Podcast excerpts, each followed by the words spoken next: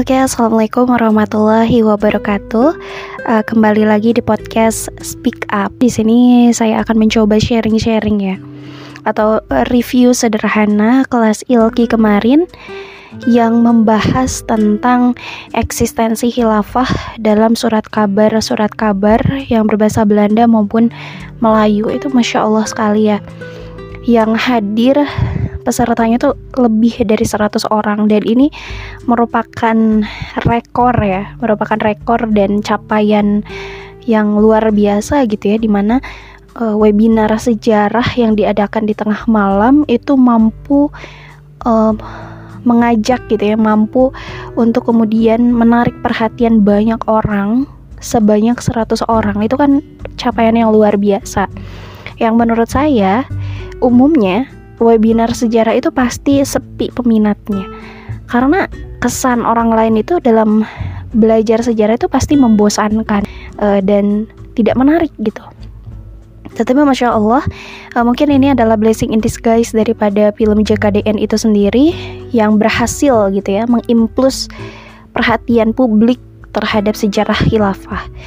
Nah karena memang ini merupakan tantangan zaman di mana khilafah ini menjadi sangat familiar, menjadi sangat populer gitu ya di tengah-tengah masyarakat, terlepas dari pro maupun kontra. Ini luar biasa sekali.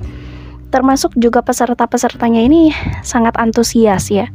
Terlihat dari bobot pertanyaannya yang menurut saya menambah insight baru gitu ya, menambah insight uh, yang luar biasa juga selain daripada pematerinya yang luar biasa gitu atau materinya yang luar biasa. Ternyata pertanyaan-pertanyaan yang datang dari uh, peserta juga ini ya, tak kalah luar biasanya menurut saya dan tak kalah beratnya. Gitu karena apa? Uh, saya menarik kebanyakan ya ataupun mayoritas penanya itu dia bertanya posisi ya, posisi khilafah Turki Utsmani pada saat itu terhadap permasalahan muslim di Hindia Belanda yang pada saat itu tengah dicengkram oleh kolonialisme Belanda. Nah, ini menarik menarik sekali. Dan bahasannya pun ini bisa jadi panjang. Menarik sekali kalau misalnya kita lihat konteks zaman pada saat itu. Jadi memang hubungan Turki Utsmani dengan Nusantara bagaimanapun juga dia mengalami dinamika ya, mengalami pasang dan surut sebagaimana alamiahnya sebuah peradaban ya.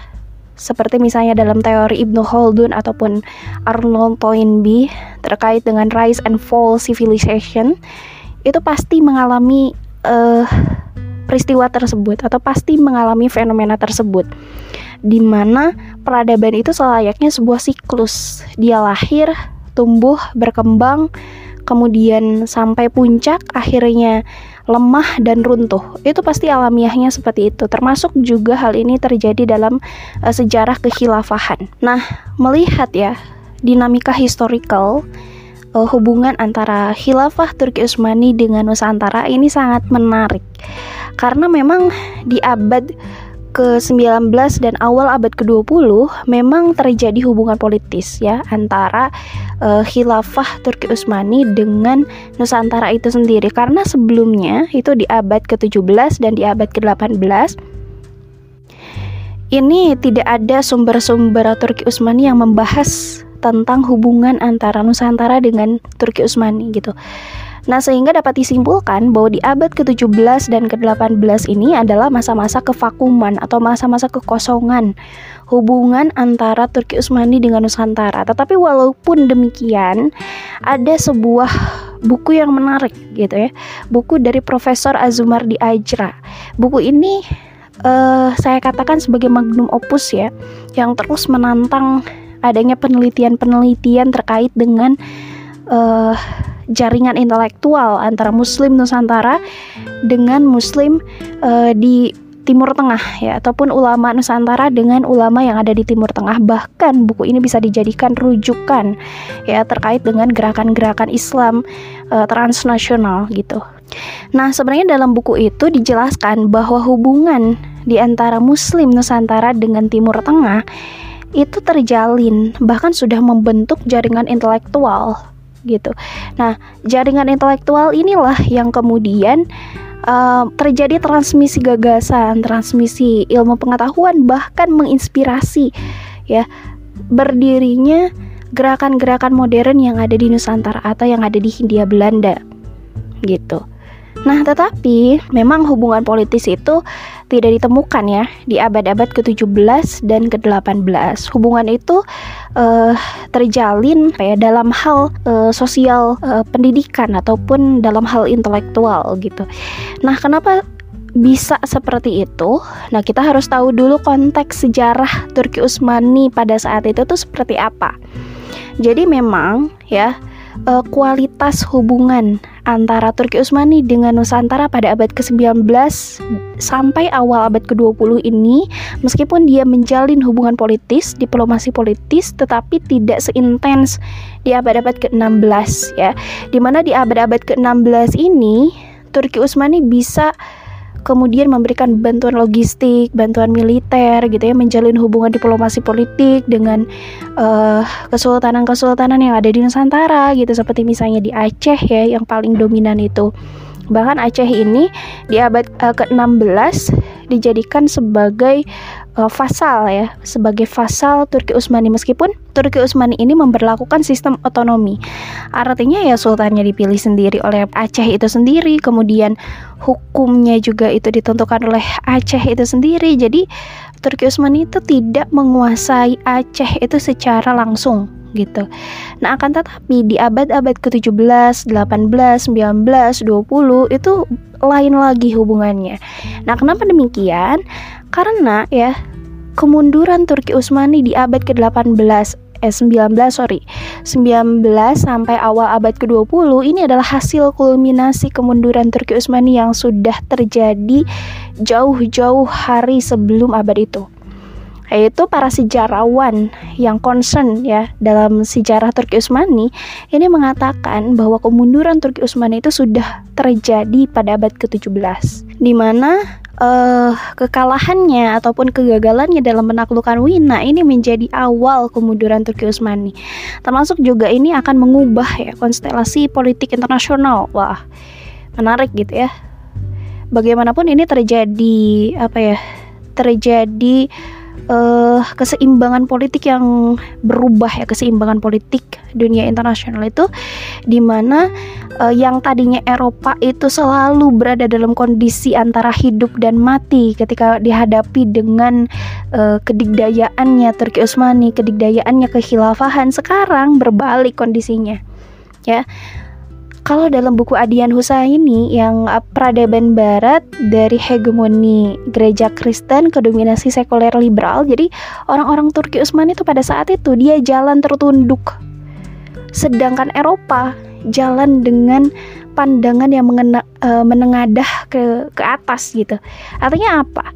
Artinya wah tur, apa Turki Utsmani itu sudah turun marwah, marwahnya gitu. Sedangkan Eropa yang dulu memang berada dalam kondisi itu tadi ya antara hidup dengan mati gitu selalu dalam kondisi kekhawatiran ketakutan ketika misalnya uh, berhadapan dengan khilafah Turki Utsmani sekarang menjadi terbalik. Eropa semakin gagah, Eropa semakin digdaya, Eropa semakin besar gitu di hadapan Turki Utsmani dan uh, menjadikan Turki Utsmani itu sebagai entitas yang tidak lagi apa ya, tidak lagi membahayakan bagi Eropa gitu. Nah, seperti itu. Kemudian ada juga uh, memasuki abad-abad itu ya, abad-abad ke-17 berlanjut sampai abad ke-20 itu kita apa ya Turki Utsmani itu dihadapkan dengan berbagai peristiwa politik yang turut memukul Turki Utsmani seperti misalnya era tulip ya. Kenapa era tulip ini adalah era yang sangat penting bagi kemunduran Turki Utsmani? Karena di era tulip ini para khalifah ataupun para sultan itu sudah apa hidup mewah, sudah hidup materialistis ya. Konsekuensinya ya bagaimanapun peradabannya eh, setiap peradaban jika pemimpinnya itu sudah terperdaya ya oleh duniawi, oleh harta, oleh jabatan, itu pasti lemah. Pemimpin apa pun ya, siapa pun mau khalifah, mau presiden itu pasti lemah. Termasuk juga nanti uh, akan berakibat pada aspek moralitasnya yang hancur gitu ya. Nah, kemudian dari sini uh, di abad-abad ke-19 ya bertahtanya Sultan Abdul Majid uh, ya. Sultan Abdul Majid I ini diberlakukan gerakan Tanzimat. Wah, gerakan Tanzimat ini ngeri lagi. Gerakan Tanzimat ini memberlakukan sejumlah perubahan-perubahan yang sangat radikal baik dalam hal administratif maupun teknis ya. Seperti apa? Seperti misalnya dalam hal administrasi negara. Kemudian juga dalam hal teknologi itu dalam hal apa ya dalam hal militer itu diubah secara radikal oleh uh, Sultan Abdul Majid I dan tak cukup di sana ternyata perubahan-perubahan radikal itu juga terjadi pada hal-hal yang sifatnya prinsipil apa itu konstitusi negara konstitusi khilafah diubah ya Khalifah uh, Abdul Majid I itu banyak sekali mengadopsi hukum-hukum Eropa yang terinspirasi dari gagasan Enlightenment uh, revolusi Prancis atau French Revolution pada tahun 1789 dengan idenya kebebasan, persaudaraan, kemudian juga apa uh, kesetaraan. Itu sangat berpengaruh sekali pada politik dan kebijakan Turki Utsmani termasuk juga sikap Turki Utsmani. Apalagi diperparah ya di tahun 1856. Wah, ini lebih parah lagi dan tidak pernah disangka-sangka. Khilafah yang dia itu adalah institusi politik global yang apa besar kemudian ditakuti disegani oleh Eropa akhirnya pada tahun 1856 dia secara dijur uh, diakui sebagai uh, bagian daripada keluarga Eropa. Nah, ini miris sekali, ironis sekali gitu ya, kekhilafahan Turki Utsmani yang sangat besar kemudian akhirnya dia terintegrasikan ke dalam keluarga Eropa. Bahkan sejak saat itu Turki Utsmani sudah tertransformasikan ke dalam the sick man of Europe atau orang-orang pesakitan dari Eropa. Dari kan olok-olok ya uh, stigma yang mengolok-olok Turki Utsmani yang sudah mengalami kelemahan, kemunduran gitu. Ini ironis sekali. Nah, konsekuensinya jelas ini uh, berdampak sekali pada hukum uh, yang berlaku pada Turki Utsmani, khususnya yang terkait dengan politik luar negerinya. Di eh, masa-masa Sultan Abdul Majid I, terutama ketika Turki Utsmani ini kemudian tunduk pada hukum publik Eropa, ini di mana kan apa politik luar negerinya itu kan berbasis atau dilandaskan pada dua aktivitas yaitu jihad dan dakwah. Tetapi ini digantikan dengan akhirnya mengadopsi hukum publik Eropa. Ini kan sangat miris ya, sehingga konsekuensinya nanti akan berdampak sekali dengan hubungan antara Nusantara dengan kekhilafan Turki Utsmani, di mana khilafah Turki Utsmani ini harus uh, menghargai ataupun tidak mencederai kedaulatan bangsa-bangsa Eropa termasuk juga Belanda. Dan akhirnya ini membuat Turki Utsmani ini mau tidak mau harus mengakui kekuasaan Belanda yang pada saat itu memang secara administratif wilayah Hindia Belanda atau wilayah Indonesia hari ini itu dikuasai oleh Belanda. Itu harus diakui oleh Turki Utsmani gitu. Nah, sehingga meskipun ya di abad ke-20 ini bertahtanya uh, Sultan Abdul Hamid II yang kemudian memberikan perubahan yang cukup besar bagi politik Turki Utsmani di mana uh, Sultan Abdul Hamid II ini kan mencoba ataupun berupaya untuk memperbaiki kondisi internal uh, Turki Utsmani yang sudah mengalami westernize gitu yang sudah mengalami uh, perombakan yang cukup radikal gitu ya termasuk juga menjalin hubungan baik dengan negeri-negeri muslim. Apalagi negeri-negeri muslim itu tengah dicengkram oleh penjajahan Eropa karena di abad itulah masa-masa puncak imperialisme barat. Tetapi walaupun demikian sehebat-hebatnya Sultan Abdul Hamid II ya. Tetapi kemunduran Turki Utsmani itu sudah semakin jauh itu sudah semakin dalam ya.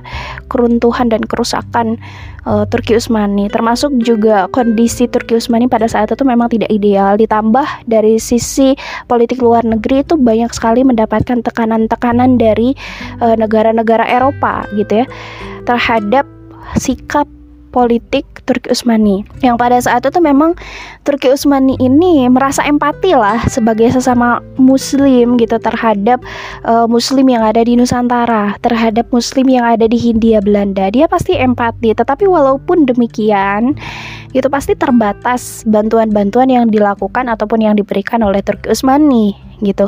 Maka hubungan diplomatis itu sendiri mengalami pasang dan surut gitu. Seperti misalnya ketika itu banyak sekali surat-surat petisi yang dilayangkan kepada Turki Utsmani baik dari Aceh, Riau, Jambi yang mencoba untuk menghidupkan kembali hubungan-hubungan kuno ya. Hubungan-hubungan kuno ini berarti kita artikan di abad-abad ke-16. Di mana Aceh itu sendiri memang memiliki hubungan formal dengan uh, Turki Utsmani di abad ke-16 gitu. Nah, mereka kenapa kemudian mengaktifkan kembali atau menghidupkan kembali hubungan-hubungan lama itu? Ya, uh, saya kira ya saya rasa itu untuk apa ya? Sebagai uh, simbol saja, sebagai simbol saja bahwa uh, wilayah Aceh, wilayah Jambi, wilayah Riau itu berada dalam uh, perlindungan Turki Utsmani, gitu. Nah, tetapi sayangnya Turki Utsmani ini tidak merespon secara positif permintaan mereka ya. Karena apa? Karena banyak sekali tekanan-tekanan dari negara-negara Eropa baik itu dari Belanda, dari Prancis, dari Inggris itu banyak sekali tekanan. Karena walaupun demikian ya eh, kantor konsulat jenderal uh, Belanda, kemudian Prancis, Inggris itu ada juga di Istanbul dan mereka tidak mendapatkan boykot, tidak mendapatkan sanksi terhadap perlakuan mereka, perlakuan diskriminatif mereka terhadap muslim yang ada di Hindia Belanda maupun yang ada di wilayah-wilayah lain seperti misalnya Singapura gitu. Nah, termasuk juga tidak ada kapal-kapal perang yang berlayar ketika misalnya perang Aceh berkecamuk ya Bahkan keterlibatan Turki Utsmani dalam permasalahan yang ada di Hindia Belanda ini dinilai e, membahayakan ya, menjadi presiden yang berbahaya dan tidak menguntungkan gitu ya. Terlebih memang e, jarak antara Hindia Belanda dengan Turki Utsmani itu yang dapat dibilang jauh sekali. Nah, sehingga memang ya Turki Utsmani tidak bisa terlibat jauh sebagai penengah di antara permasalahan Hindia Belanda dengan Belanda itu sendiri. Nah, sehingga memang hubungan ini mengalami pasang dan surut seiring dengan kemunduran Turki Utsmani yang sudah terjadi jauh sebelum itu yaitu di abad ke-17 gitu. Nah, sehingga di sini kita harus pahami bahwa hubungan Turki Utsmani dengan Nusantara ini memang mengalami dinamika seiring dengan perubahan konstelasi politik dan juga perubahan uh, kondisi sosial politik yang ada di pihak uh, Turki Utsmani itu sendiri maupun di pihak uh, Nusantara ataupun Hindia Belanda itu sendiri gitu. Sehingga bahwa kenapa sih hubungan antara Turki Utsmani dengan Nusantara ini mengalami kemunduran, mengalami penurunan secara kualitas gitu karena ada apa banyak sekali peristiwa-peristiwa politik yang turut memukul Turki Utsmani gitu. Tetapi memang sentimennya sangat positif sekali gitu ketika Muslim di Hindia Belanda eh, terhadap ini ya terhadap khilafah Turki Utsmani gitu. Sentimennya positif sekali. Bahkan Turki Utsmani ini beberapa kali melakukan kontribusi peradaban seperti misalnya baik dalam hal keagamaan, sosial, politik, budaya, dan ekonomi dan sebagainya. Itu banyak sekali bantuan-bantuan yang diberikan oleh Datuk Usmani maupun uh, apa ya dari Hindia Belanda itu sendiri yang kemudian banyak sekali memberikan bantuan baik bantuan moral, bantuan finansial, bantuan uh, logistik terhadap Turki Utsmani. Misalnya uh, Kesultanan Aceh pada saat itu memberikan bantuan kepada Turki Utsmani ketika terjadi perang antara Rusia dengan Turki. Nah, ini kan apa hubungan yang sifatnya romantis ya antara Turki Utsmani dengan uh, Hindia Belanda. Itu. Mungkin seperti itu ya. Uh, kurang lebihnya wallahu alam bisawab.